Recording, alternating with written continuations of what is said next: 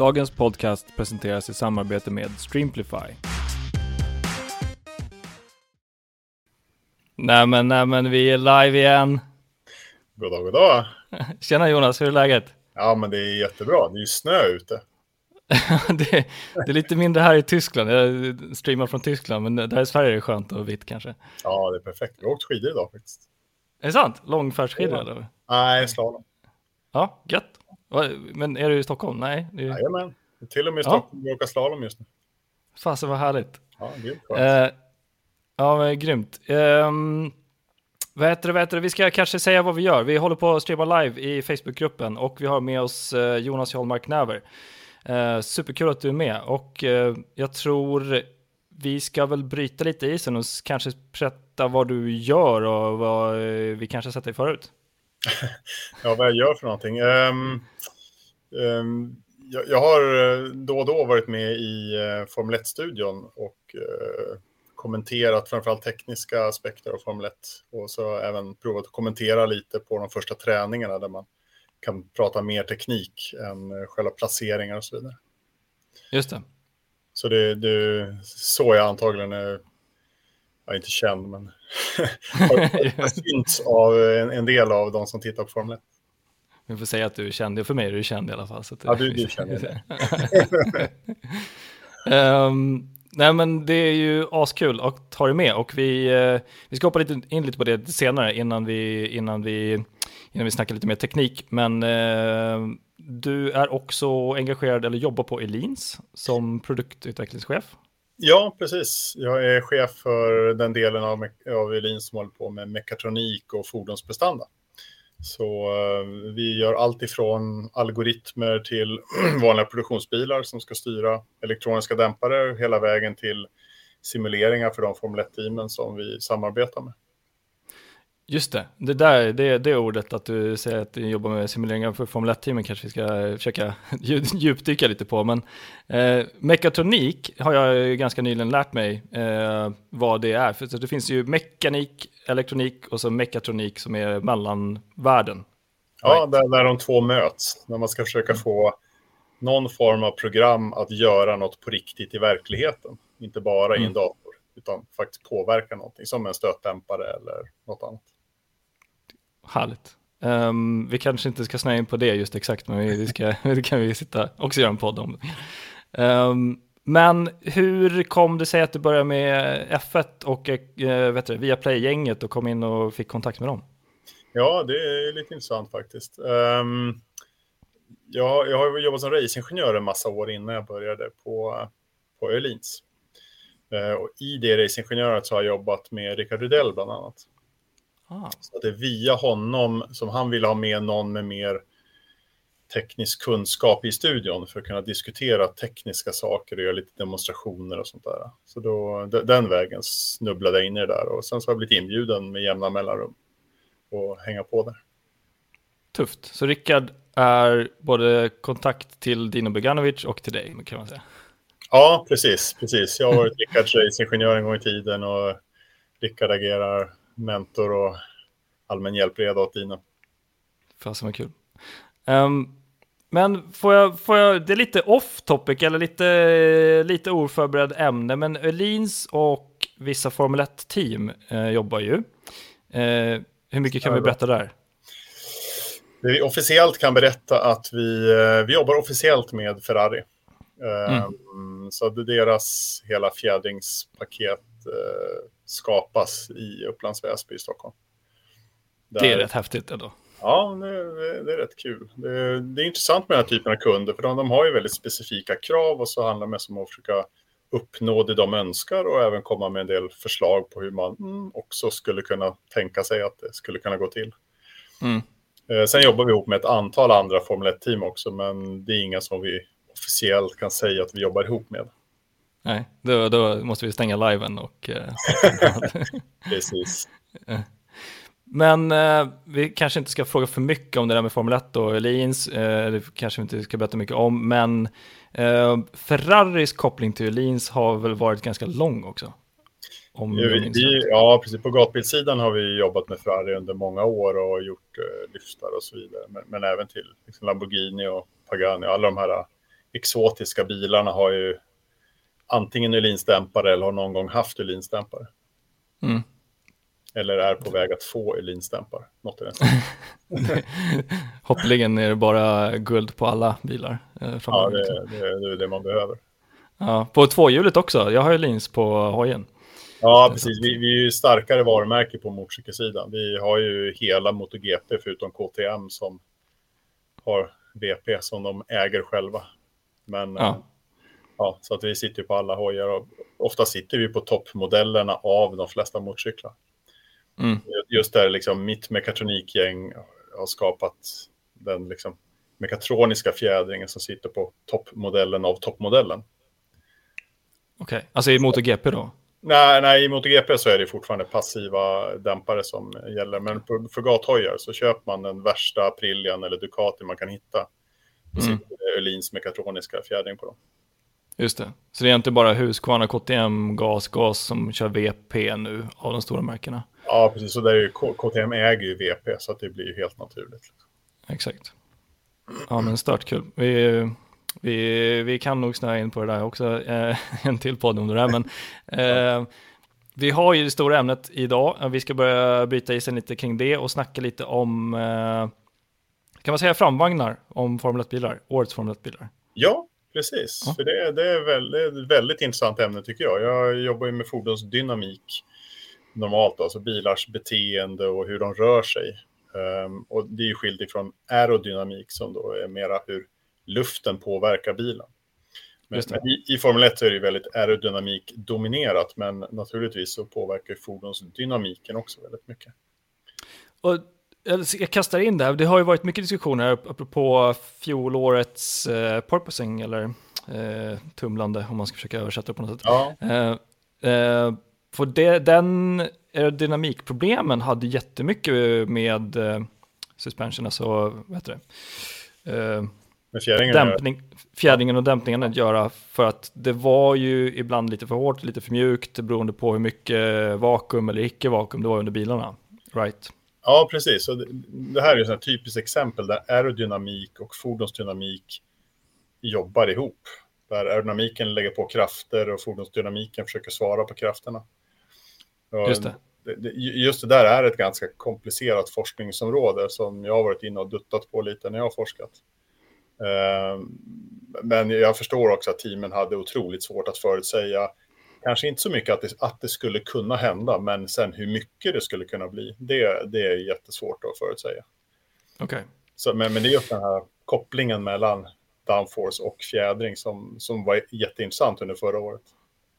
När det skedde förra året måste jag fråga, satt du då och kollade på testerna och på första racen och, och eh, skrapade om hakan och, och tänkte på saker då? Eller? Nej, jag, eh, okay. Jag, jag, har jobbat en del med Downforce-bilar tidigare i mina alla tidigaste arbeten. Um, och mm konstaterade mest bara att ja, där hade de missat en del. Okej, okay, det var så. Ja, det, men, men de hade ju problemet att de, de hade ju fått inerters och gasfjädring förbjudet året innan. Och så har de samtidigt då fått ground effect pålagd. Så ground effekten förstärker de här egenskaperna jättemycket och att inte kunna bota det med en inerter och gasfjädring gör att teamen inte riktigt har så mycket att komma med annat än att göra fjädringen styvare. Och det enda som händer då är att bilen bara studsar på däcken istället. Så att, ja, det, det, är alltid en fin eh, balans mellan styvhet på fjäder och styvhet på däcket. Och ja. hur man vill att bilen ska studsa. Och det, det var egentligen det Mercedes hade att välja på under förra året. Hur vill vi att bilen ska studsa? Inte att den skulle sluta studsa. För då var det mera ta bort downforce som gällde och det ville de inte. Eh, en fråga där för folk som inte kanske har hört ordet förut. Inerter, går det att förklara kort enkelt? Ja, men det, det går att förklara lite kort. Uh, om man tänker sig att en fjäder, när man trycker ihop den, då får man en kraft ifrån fjädern och den beror på hur, hur mycket man trycker ihop fjädern. Alltså hur lång sträcka man trycker ihop den. Om man tar en stötdämpare, då beror kraften på stötdämparen, den beror på hur fort man trycker ihop den. Medan in i nörter, det är nästa steg. Där får man en kraft som beror på hur snabbt man accelererar den här inerten. Och att just kunna ta hand om accelerationer och skapa en motkraft mot accelerationer är jätteviktigt om man ska hålla emot däckstuds och den här typen av saker. Och hela det här verktyget försvann plötsligt när inerter blev förbjudet. Och man kunde plötsligt mm. bara reagera på längd och på hastighet istället för längd, hastighet och acceleration. Okej, okay, så längd, hastighet, det här börjar bli fysiskt nu. Ja, längd, hastighet och acceleration. Exakt, så att när fjädringen trycks in så trycks det in en viss längd med en viss hastighet. Och när man gör det så accelererar den på ett visst sätt. Mm. Alla Ut tillbaka? Ja, både in och tillbaka. Liksom. Alla de här tre elementen, då, fjäder, dämpare, inerter, de samarbetade för att hålla bilarna så studsfria som möjligt och ändå så följsamma som möjligt. Tror du att det var medvetet val att ta bort inerten samtidigt som man skapade alltså, eh, den här nya golvdesignen? Att få den här komplexiteten? Eh, jag, jag tror nog att den tekniska arbetsgruppen hos, hos F1 som plockade bort den trodde att teamen skulle vara bättre rustade och bättre i skick och få ordning på fjädringen faktiskt. Mm. Um, det, det, tror jag, men naturligtvis de inertrarna är extremt dyra, ganska komplicerade och kan gå sönder och så där. Så att ur ett förenklingsperspektiv så var det ju bra att göra så här. Mm. Men, för, för, att få saker och ting billigare och lite sådär. Men, äh, men ur ett äh, ha många verktyg i lådan och lösa problemen med så är det ju dåligt sätt. Mm.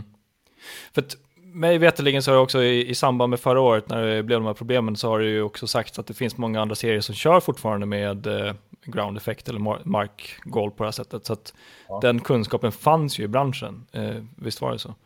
Ja, precis. På 80-talet så var det ju väldigt stort inom grupp C och så vidare. där man hade, men då hade man ju de här problemen och man har ju haft det tidigare i Formel 1. Mm. Men där man då löst problemen på massa olika sätt. Um, så det gällde ju att ha lite extremt rutinerade aerodynamiker på jobbet för Formel 1-teamen. Och, och, där mm. Adrian Newey till exempel på Red Bull, han, han, uh, han doktorerade på markeffekt. Så att han väl, och har sedan jobbat med det i hur länge som helst. Så han är mm. en av de som är bäst skickade att få ordning på det där.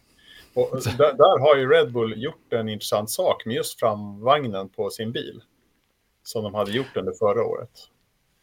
Det, det, bryter ja. ju oss in på nästa ämne. Ska vi börja kolla på dem? Ja, exakt. För ja. Just framvagnarna är en intressant sak. För att med hjälp av framvagnen kan man kompensera en del av de här effekterna. Mm. Så, så om, man, eh, om man tittar på en hjulupphängning som... Eh, ja, precis. Vi kan kolla på Red Bullen där om du förstår. Ja, den där, den där blir superbra. Så där ja. Det vi ser där, nu, ser, uh, nu syns ju hjulupphängningen supertydligt eftersom det är flowbiz på den. Ja. Det är ju perfekt. Uh, då är det så här, den uh, pinnen i mitten det är pushrodden som leder, upp, leder all kraft upp till stötdämparna. Nej, det är det inte. Nej. Det där är faktiskt den övre bärarmen. Okej. Okay. Just det, för det är pullrod på den här uh, varianten.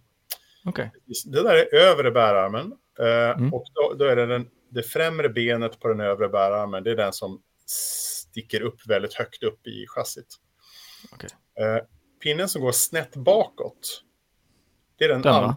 Ja, den där ja. Det, det, är den andra delen av bärarmen. Så de två sitter ihop ute vid hjulspindeln. Och som ni ser då så sitter den främre punkten, den sitter väldigt högt upp i chassit. Och den bakre punkten sitter väldigt långt ner i chassit. Så hela den här bärarmen är alltså lutad bakåt i bilen. Jag hoppar in med fråga. Den här bärarmen, bakre bärarmen, den sitter lägre ner än den övre va? Ja, exakt. Precis. Att alltihopa sitter ihop. Det är ett enda V som är en enhet. Mm. Um, och den främre då sitter ganska högt upp i chassit och den bakre sitter ganska långt ner i chassit. Och sen på den undre bärarmen, där har man gjort precis tvärtom. Så att den främre, just det där är faktiskt styrstaget till bilen. Okej. Okay. Uh, men, men den... Det finns en här? Ja, precis, där ser man den, eh, den bakre delen av den undre bärarmen.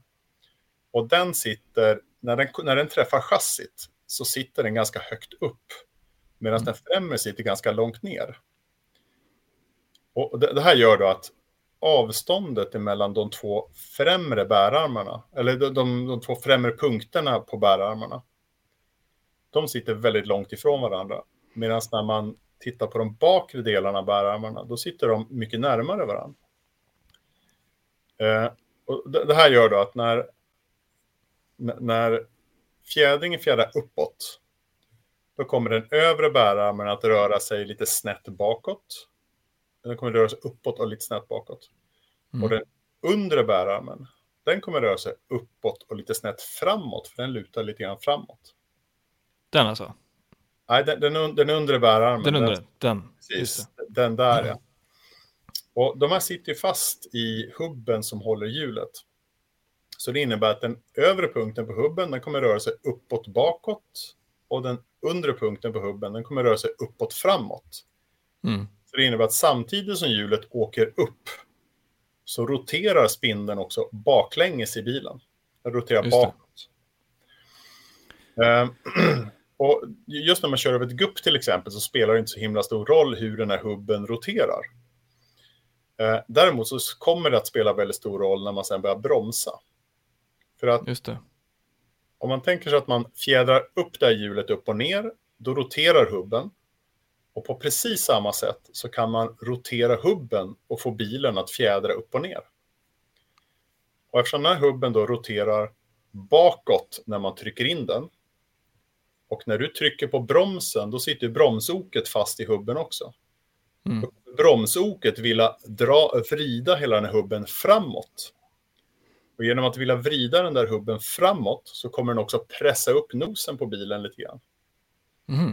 Så det innebär att när du kommer till en kurva och sen så börjar du bromsa, då kommer en del av det som håller upp bilen kommer vara att hubben vill pressa upp bilen genom bärarmarna. Och i, i fordonsdynamiken kallas det här för anti-dive och det är många som slänger sig med det utan att egentligen riktigt förstå vad det är för någonting. Mm.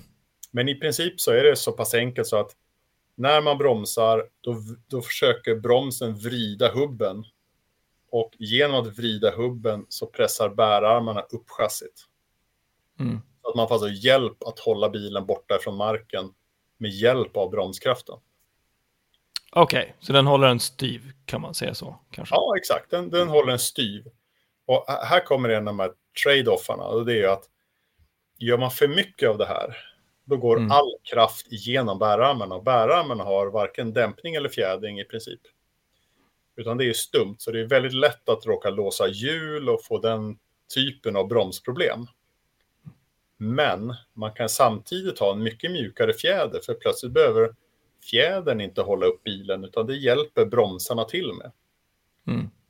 Så tittar man på förra årets Red Bull, när mm. den kör över gupp och curb, speciellt i slutet av säsongen, så kan man se hur följsam och mjuk den ser ut.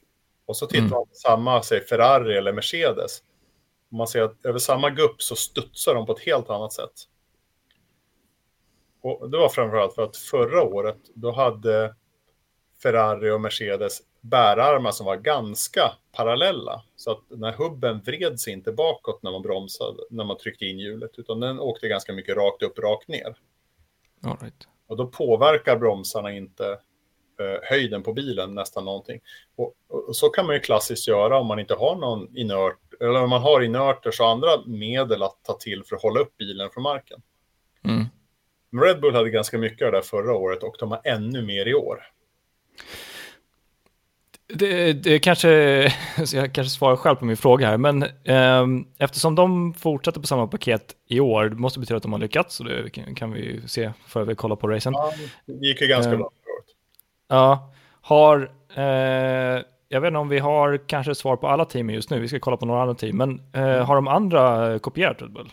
Ja, de allra, allra flesta har kopierat Red Bull, mer eller mindre. Eh, vissa har kopierat nästan exakt så som Red Bull hade förra årets bil. Men eftersom Red Bull har gått ett steg längre så är fortfarande Red Bull den mest extrema av bilarna i, i den här aspekten. Då. Så Adrian, Eh, förlåt, det nu fortsätter med sin expertis där? Ja. ja, här är det en fråga om att liksom försöka få bilen att hålla upp sig från marken så man kan mjukfjäder. Och här är alltid frågan, är, blir det bättre med mycket anti-dive som blir lite stum när man bromsar och det är lätt att låsa hjulen. Alternativt är det bättre att ha mjuk fjäder så att man är lite följsam över curbs och andra gupp och sånt. Mm. Och eftersom det samverkar så mycket med aerodynamiken på bilen så måste man designa hjulgeometrier och aerodynamik tillsammans. Det går verkligen mm. inte bara att ta en sån här hjulupphängning, klacka på en annan bil och hoppas på det bästa. För att just den här egenskapen styr väldigt mycket hur golvet ska hamna emot marken när man bromsar. Okej, okay, och det är därför mycket också grepp när du kommer så nära med, när, in, under inbromsningarna? Ja, precis. Så att, eh, det, det, Red Bull kan göra då till exempel är att antingen så har de nosen närmare marken så att de är, för att de är bromsarna kan hålla upp nosen lite grann. Eller så börjar de på lite högre höjd och har mjukare fjäder istället så att de är lite mer följsamma över gupp och så. Men oavsett vilket de väljer så får de hjälp av anti-diven. Men de verkar ha valt en nivå som är okej okay även för, broms, för, för liksom hjullåsningar och inbromsningar och sånt. Det verkar funka rätt bra för dem ändå. Mm. Faktiskt. Um, men, men, men, det är sagt, det är en flytande skala nu då i de olika teamen. Hur mycket de har valt att kopiera Red Bulls framvagnsupphängning. det vilket kvitto på att man har lyckats då när man blir kopierad. Ja, jag, jag, tror att de andra teamen tänkte att de kör, vi kör traditionellt, vi lägger inte in så mycket anti-dive, för det, det, brukar bli bromsproblem, vilket har ju varit problem tidigare under åren. Mm. Men med de här nya däcken så verkar det som att det, det går att lägga på rätt mycket anti-dive innan det blir problem. Mm. Ska vi försöka jämföra lite? Ja, precis. Vi kan nästan eh, ta och titta på McLaren faktiskt. Ja. Om du, exakt, om du tar den som är rakt framifrån istället, den, den bilden nedanför. Nedanför? Exakt, den där, den där ja. Här kan man se att de här bärarmarna på McLaren, där sitter liksom främre och bakre delen av bärarmen. De sitter nästan i linje med varandra i chassit.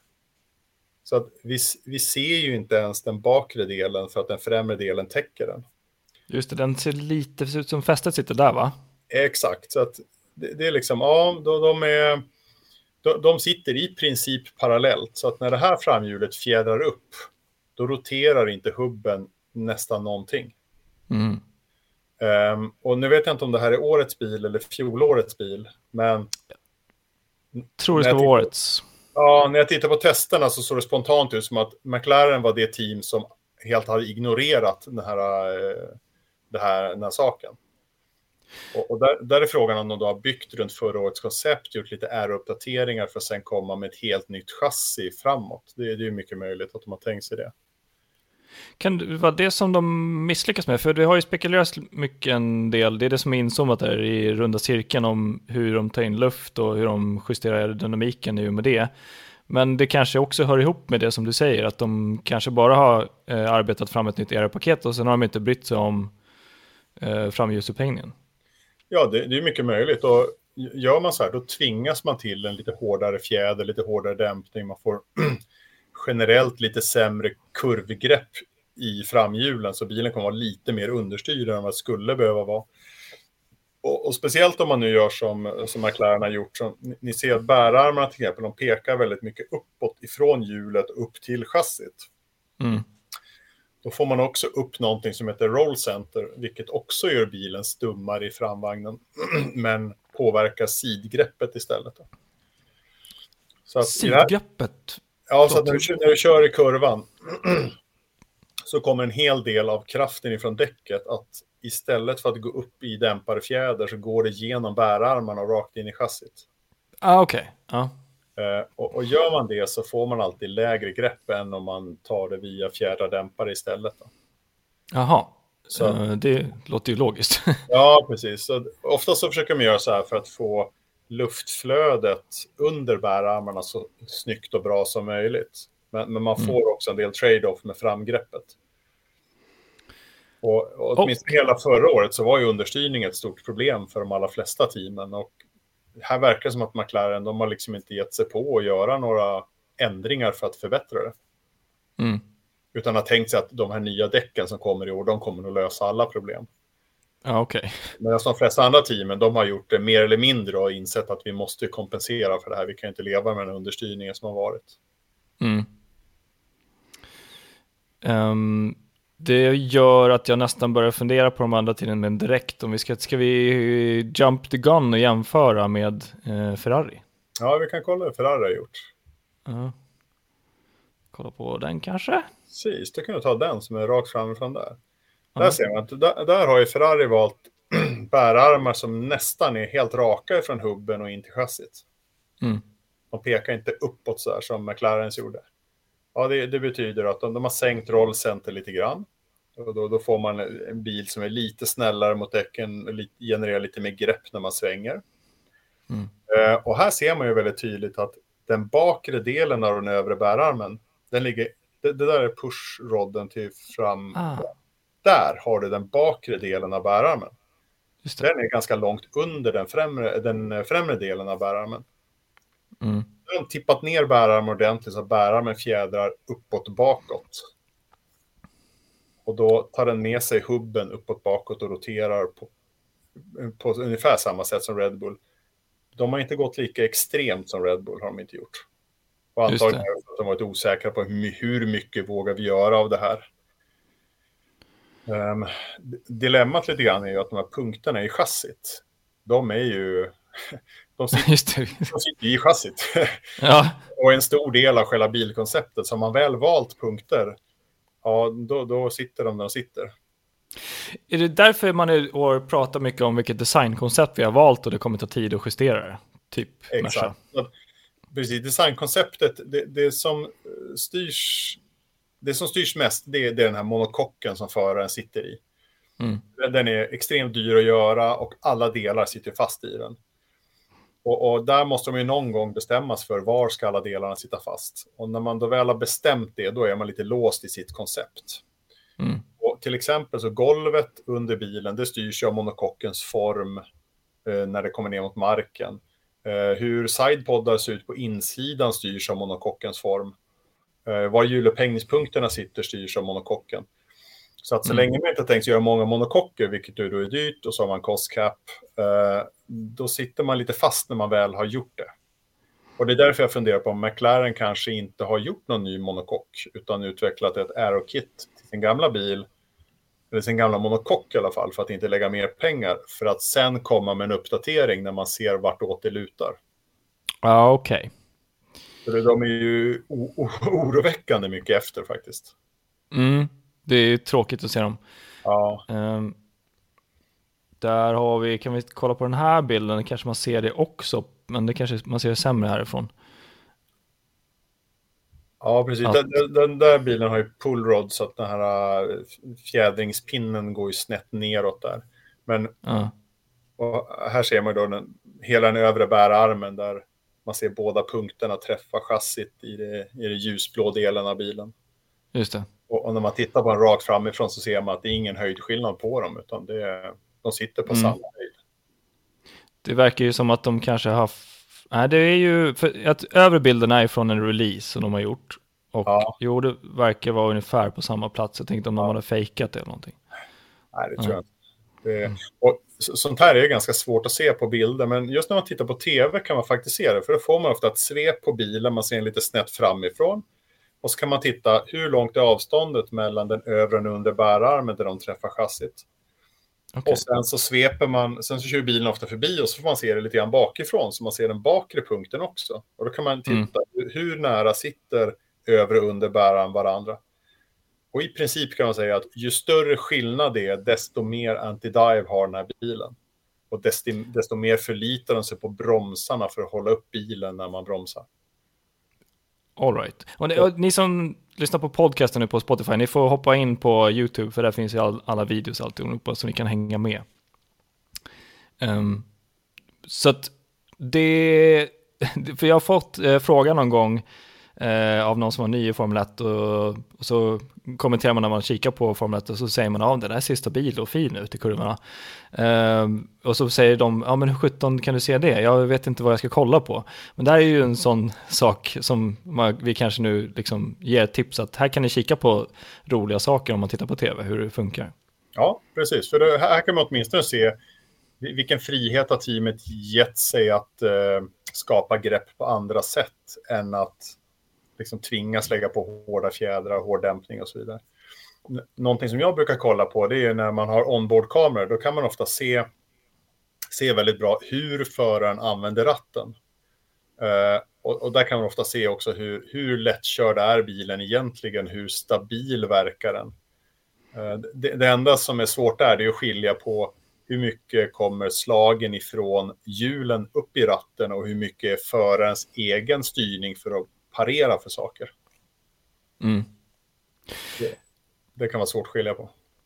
Hur pass mycket, när det gäller bakvagnen, eh, symbiosen mellan eh, alltså designen i, i framvagnen, som vi kikar lite på nu, och bakvagnen. Finns det motpunkter som man alltid måste tänka på eller kan man välja helt olika designkoncept eftersom de är helt fristående eh, dämpare på? Ja, man, man, kan inte riktigt välja helt fritt för att det som händer när man väljer hjulupphängningspunkter i bilen är att man väljer hur snabbt framvagnen ska reagera. Så mm. att gör man nu som läraren har gjort, eh, då kommer bilen reagera ganska snabbt i framvagnen. Man har styva fjädrar, högt rollcenter, så man får en väldigt snabb reaktion i framvagnen då måste bakvagnen också vara relativt snabb på att reagera, för annars så kommer bilen hunnit rotera in i kurvan för mycket innan bakvagnen sätter sig och ger lite grepp.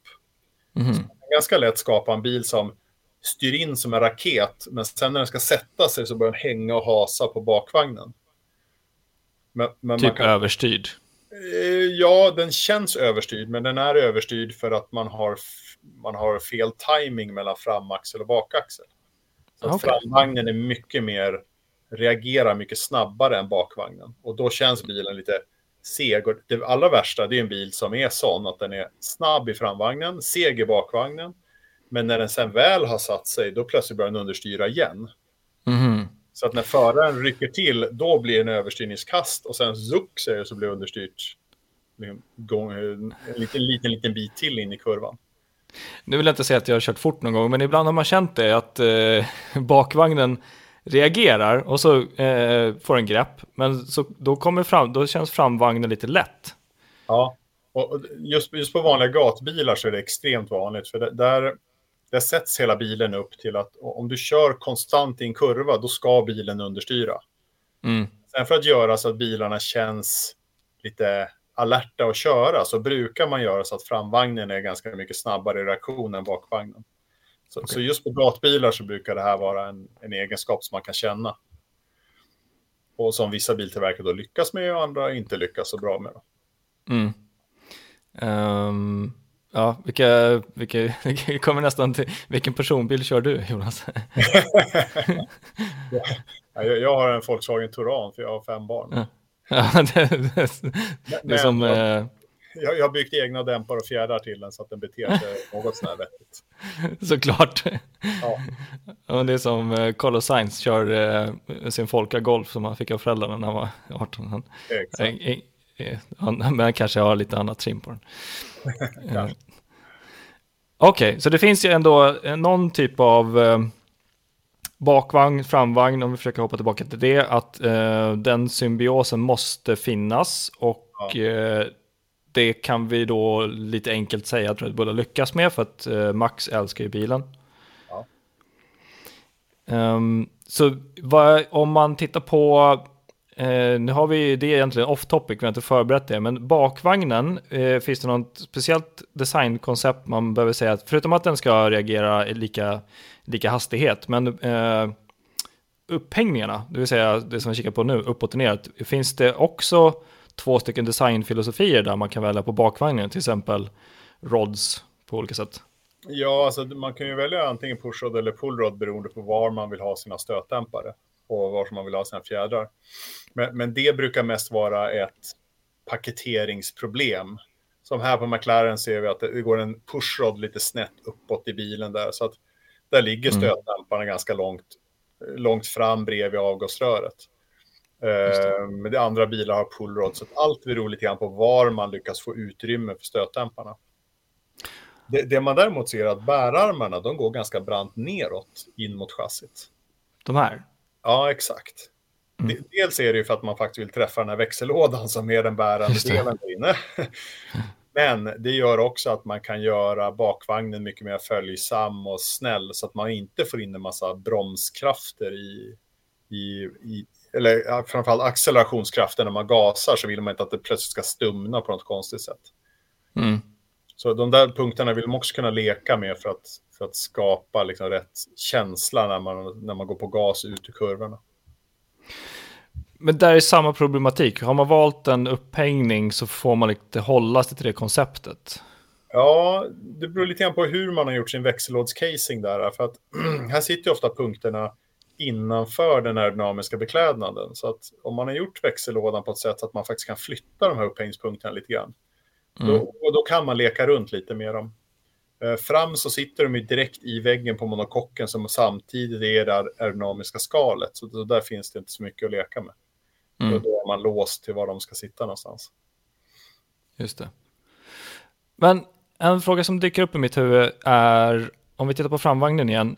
Um, vi, alltså det är Formel 1 och vi tänker, alltså vi har höga förväntningar på deras tekniska avdelningar. Vad är det som gör att man inte kan justera de här infästningarna på olika punkter? Eller skulle ni göra någon skillnad om man kan justera dem upp dem i 10 mm, 5 mm neråt?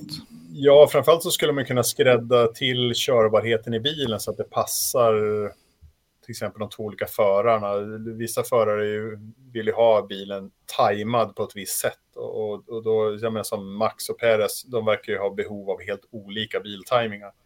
Mm. Um, och då skulle man kunna köra bilar med olika infästningspunkter om man vill. Mm. Uh, det enda dilemmat är att då behöver du stoppa in mer material i monokocken för att kunna göra upphängningspunkterna. Uh, du behöver sannolikt göra fler olika typer av bärarmar och lite sånt där. Så det, det drar med sig både kostnader och vikt, vilket är ett problem. Så ofta mm. så låser man sig vid något som man säger, men det här är det vi tror på, det här kör vi på. Ja, men det är så, okej. Okay. Det är fort, ja. Men då kan vi spekulera lite fritt angående förare och eh, smak av, alltså, eller vad ska man säga, hur bilen ska reagera. Mm. Eh, vi vet att det blir ett fullträff hos Max Verstappen och eh, Adrian Newey, men om vi tittar på till exempel Alonso, tror du att det fanns så pass djupa tekniska diskussioner innan Alonso till exempel signade för Aston Martin att ja, men jag, jag gillar framvagnen, att den kommer bli så här, så som ni har designat den, eller Tror du föraren är så pass medvetna om det?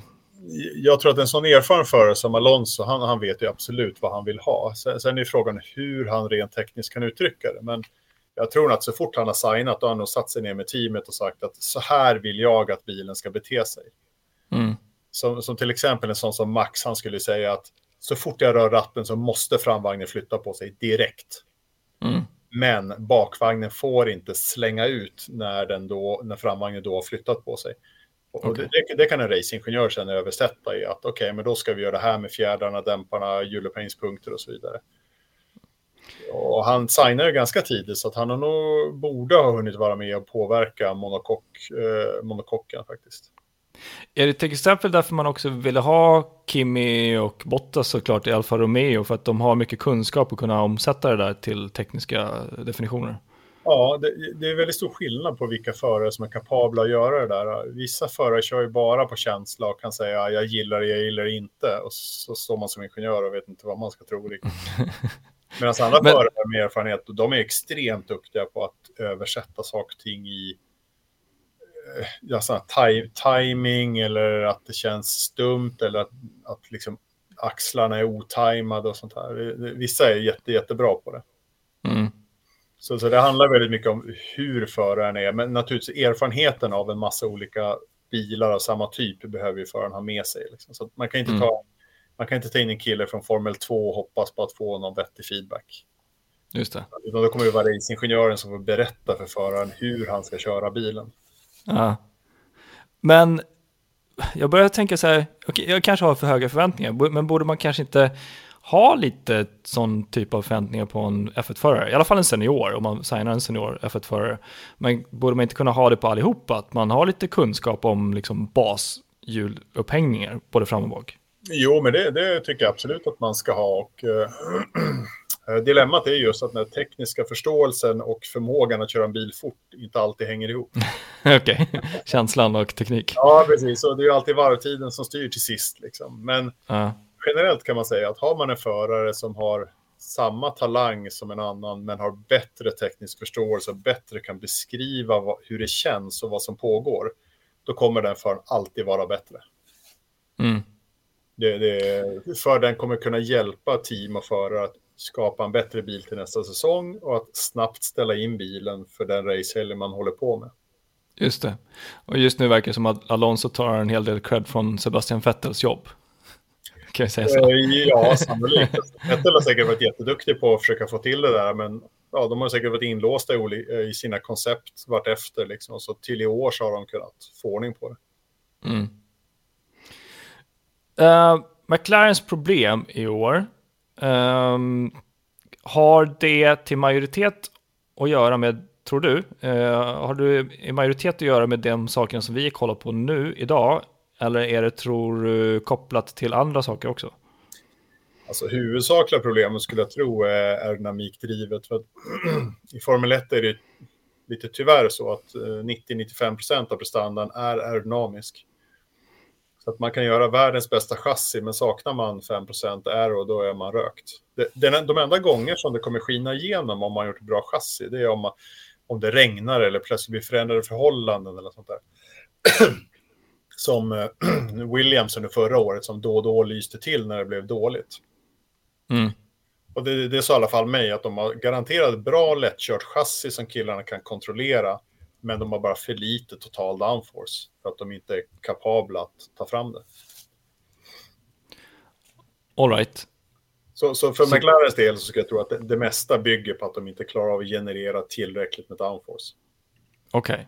Sen verkar den inte speciellt lättkörd heller. Och det, det är inte Nej. Just kombon av lite downforce och svårkörd, den är ju inte, inte någon höjdare.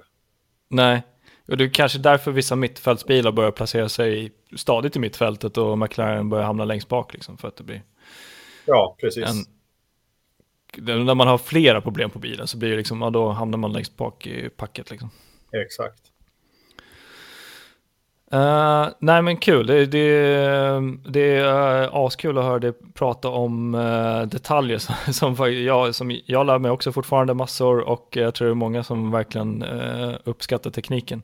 Um, ska vi, nu har vi glömt bort att kika lite på våra jämförelser i 3D-mässigt, men jag vet inte om vi kan kika på dem också. Vi fick fram lite 3D-bilder, men vi kanske kan, vi har ju varit inne lite på det ändå, men vi kan se om vi kan titta lite närmare på julupphängningen på Ferrari, om de har kopierat saker. Precis. Ja, det här, rent spontant så ser det här ut att vara en fjolårsbil. Okej. Okay. Om man tittar på hjulupphängningen här så är de ganska parallella. Men kolla här då så har du styrstaget i mitten där. Och sen så har du mm. övre under bärarm. Och så tittar du på avståndet. Och så kan du rotera den och titta på bakre, bakre delen. Ska vi se om vi kan få dit. Runt till bak, där. Ja, det blir svårt, men Ja, det är svårt att knuffla till det. Men, men, om man då ja. tittar på de två bakre infästningspunkterna så ser de ut att vara lite, lite närmare varandra än de främre, men inte supermycket. Och till i år så såg det ut som att de hade mycket mer på testerna. Mm. Men, men inte så extremt som Red Bull då. Nej, modellen sägs vara SF23, vilket är årets, men det kan ju vara fjolårets. Vi, vi, vi måste ja. Eh, ha lite disclaimer för materialet som vi använder. Ja, precis. Jag kan tänka mig att grafiken är säkert 2023. Mm, just det. Men risken är att sådana här saker är, är fortfarande fjolårsbil. Liksom. Ja, vi har inte så här fina licenser med Formel 1 än, så vi kan inte ta en riktig data och bilder. Precis. Men, men sagt, om man tittar man på tv, då, då ser man det rätt tydligt. Mm. Den här sägs vara 2023. Ja. Ska se om, om du accepterar det eller om du säger nej. Ser här också, bärarmarna pekar rätt mycket uppåt, så de har ganska högt rollcenter. Eh, mm. Relativt långt ifrån varandra där fram. Som vi då försöker rotera runt till bakdelen. För att se från bakifrån. Där, ser jag, där sitter de ihop betydligt mycket mer de två främre punkterna. Eller de, de två bakre bärarmspunkterna. Just det. Lite, lite svårt att säga, men de, de sitter ihop mycket mer än de främre. Okej. Okay. Så då, då har de skapat sig mer anti-dive så att de lyfter upp nosen med bromsarna. Lite mer eh, Red Bull. Precis, så de har tittat en del på Red Bull och ja, där, där ser man ju rätt tydligt hur mycket längre ner den övre bärarmens bakre punkt ligger. Den ja. Den där punkten ja. Nu, nu går ju nosen lite uppåt, så det är lite, lite synvilla, men, men den, den ligger mm. ganska långt ner i förhållande till den främre punkten. Mm. Och det är det som gör att den övre bärarmen fjädrar både uppåt och bakåt samtidigt. Just det. Och det är det som ger den effekten. Men och, och nu, det kanske borde frågat tidigare, men då har de rörliga punkter här eh, vid chassit och ute vid hjulupphängningen? Ja, eh, normalt så är det så pass lite rörelse där så att man har ju bara gjort ett,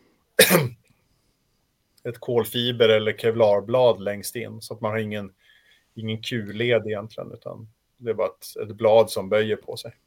Jaha, som är liksom bara kolfiber 100% som, som ja. sviktar? Ja, precis. Medan i bakvagnen det... brukar det vara Q-leder för där brukar det mycket mera rörelse så där mm. riskerar man att spräcka kolfibern istället. Mm. Men du har, på, de, på någon av de här har du ju ändå, vet du, alltså, vet du, mekaniska kulledare eller mekaniska? Eh, styrstagen brukar ju ha det. Ja, okej. Okay. Eh, för de, eftersom de ska rotera i så många riktningar. Men eh, bärarmarna brukar ha kol eller kevlarblad. Okej. Okay. Det visste jag inte. Det... Om behöver man mer rörelse så gör man det lite längre bara och så funkar det. -huh. Ja. Vi börjar fylla våra huvuden nästan med total kunskap. Jag vet inte om... Eh, är det någonting du vill fylla i angående, angående ämnet? Nej, inte, inte just runt det här. Men det, det är väldigt intressant att se hur de flesta teamen har kopierat Red Bulls lösning från förra året och sen valt ungefär hur mycket man har vågat kopiera. Mm. Eftersom man inte har testat det så vet man inte riktigt hur det kommer funka, men man har sett Red Bull och det verkar funka bra. Och så här, så. Mm. Så chansat lite grann på hur mycket de har vågat. Men tro, alltså vi hade ju det förra årets, eller nej, förra periodens reglemente var ju mot slutet började se lite ganska likadant ut. Tror du att vi kommer få börja se det nu också? Att vi, börjar, vi, vi kommer absolut inte hamna i enhetsbilar, men tror jag vi kommer få mer enhetliga designkoncept över, så att säga, in till nästa år och sådär? Ja, det, sk det skulle jag nog tro faktiskt. Uh ser man att något koncept är snabbare, då kommer alla omedvetet dras åt det hållet, så blir det mer och mer lika. Det, det, ja. det är ganska naturligt. Jag menar att, Mercedes byter sina zero size po, uh, sidepod snart är ju inte helt... Det är ingen osannolik gissning i alla fall. Nej, du, du är 90% säker på att det blir så, eller? Alltså, det vore dumt av dem att inte ha experimenterat med för och nackdelar med de andra lösningarna eftersom mm. de har en lösning som ingen annan har och inte har lyckats bra. Så de bör ha lagt en del CFD och vindtunneltid på det och veta vilka för och nackdelar de har. Så att, ja, mm. jag, jag, skulle själv tro att de kommer växla relativt snart. Ja, nu tappar jag namnet, men de har ju tagit tillbaka en viktig person som var, jobbade med touring nu ett år. Ja, just det. James Allison har väl klivit tillbaka in i Formel 1-teamet. Tack, exakt. Ja. Mm. Han har ju But... varit tek teknisk chef hos Ferrari en gång i tiden och sen hoppade över till Mercedes. Mm. Och sen har han jobbat med, är inte Ineos segelbåtar faktiskt han har jobbat med? Ja, det mm. tror jag. Och jag har för mig också, i alla fall min idol Adrian New har också varit med segelbåtstillverkningen och jobbat lite. Mm. Ja, men det tror jag också han har gjort. Det, det, det är ja. sannolikt en ganska skön avkoppling ifrån det här vansinnigt pressade Formel 1-utvecklingsjobbet. Ja. Det, det, kan vi väl äh, nämna, att vi har ett äh, gemensamt intresse. Typ. ja, just det. Snabba segelbåtar. Ja, med kolfiber. Ja, precis, precis. Katamaransegling med lätta katamaraner, det är grejer. Mm. Det är, um, gillar man att köra racerbil så är det det närmaste man kan komma på vatten. Ja, eh, och du, jag spinner vidare på det, för att eh, jag är ju nu i norra Tyskland och hjälper min kompis att leverera en rally raid hoj som ska köra ett eh, Marocko-rally snart, eh, Tuareg.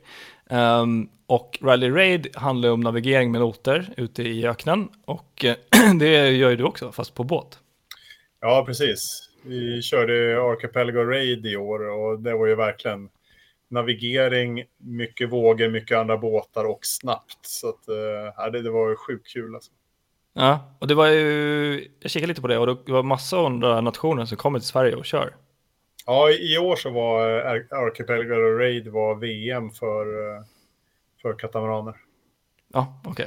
Så att ja, men, var 18 katter och så, vad kan det ha varit, var det 40 team eller något i den stilen. En, en deltävling i Sverige, eller? Nej, det var, det var VM. Det var det som var ah. världsmästerskapet. Sen så finns det en världscup som cirklar runt, liksom. men just det här var VM. Ja. Jag har mycket mindre kolfiber på min båt än vad du har. Jag har bara på rodret och i seglen. Men det, det, det, är lite olika totalvikt på dem också, deplacement som man säger. Ja, jag kan tänka mig det. Mm. Min väger 180 kilo eller något i Ja, min väger 1,6 ton tror jag. Ja, du ser. Nej men gött, Jonas, vi kanske inte ska eh, chatta hela kvällen, det är söndag, vi ska släppa folk och du ska också få gå tillbaka till livet. Um... Det livet, ja, det som är utanför racing. exakt. Just det, det är det man egentligen lever kanske. Exakt. Nej men uh, jag tror vi rundar av och så tycker jag vi tackar alla som har kollat, alla som är med i gruppen. Eh, speciellt tackar jag också Playseat som har sponsrat och eh, Streamplify. Men störst av allt, stort tack för ikväll Jonas Jonmark. Tack för att du fick komma. Jättefint. Ha det. Hej. Hej.